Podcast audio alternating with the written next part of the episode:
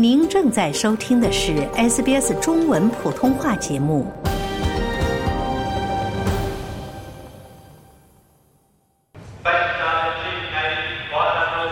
阿尔巴尼斯政府宣布将增加军舰数量，使澳大利亚拥有自二战结束以来最大的舰队。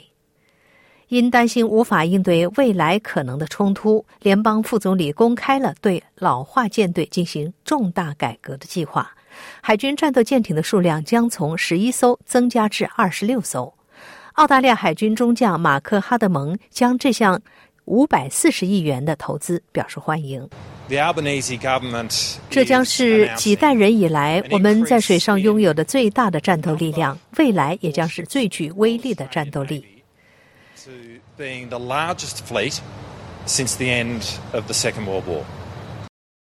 联邦政府做出的这个重大改变，包括计划将在阿德莱德建造的猎人号护卫舰从九艘减少到六艘。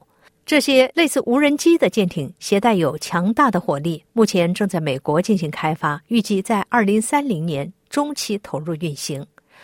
联邦国防部长理查德·马尔斯说：“这是二战结束以来澳大利亚将拥有的最大的舰队规模。”确实，这些舰队正在以无人操作的方式进行开发，但是是按照我们的意图进行操控的。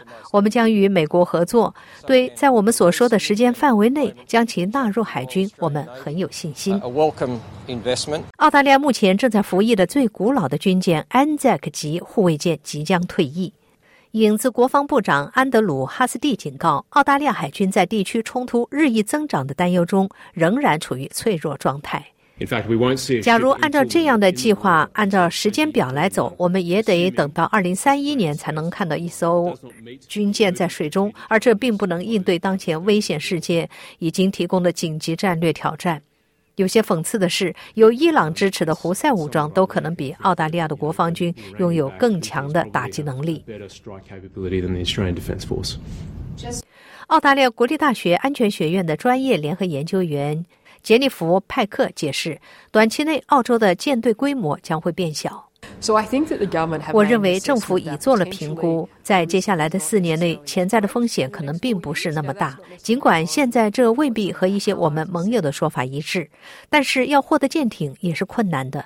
你不可能就像是打个电话给亚马逊，然后就有一艘船会被送过来。它确实是需要时间的。目前，澳大利亚海军拥有大约一万五千名人员，它的目标是到二零四零年增加到两万人。马尔斯部长表示，这一措施是一个重要激励。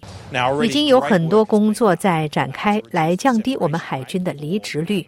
我们确实需要进一步扩大海军人数。我认为今天公布的这个消息是这一计划的非常基础的一部分。我们有信心能实现这个数字目标。喜欢、分享、评论。欢迎您在 Facebook 上关注 SBS 普通话页面。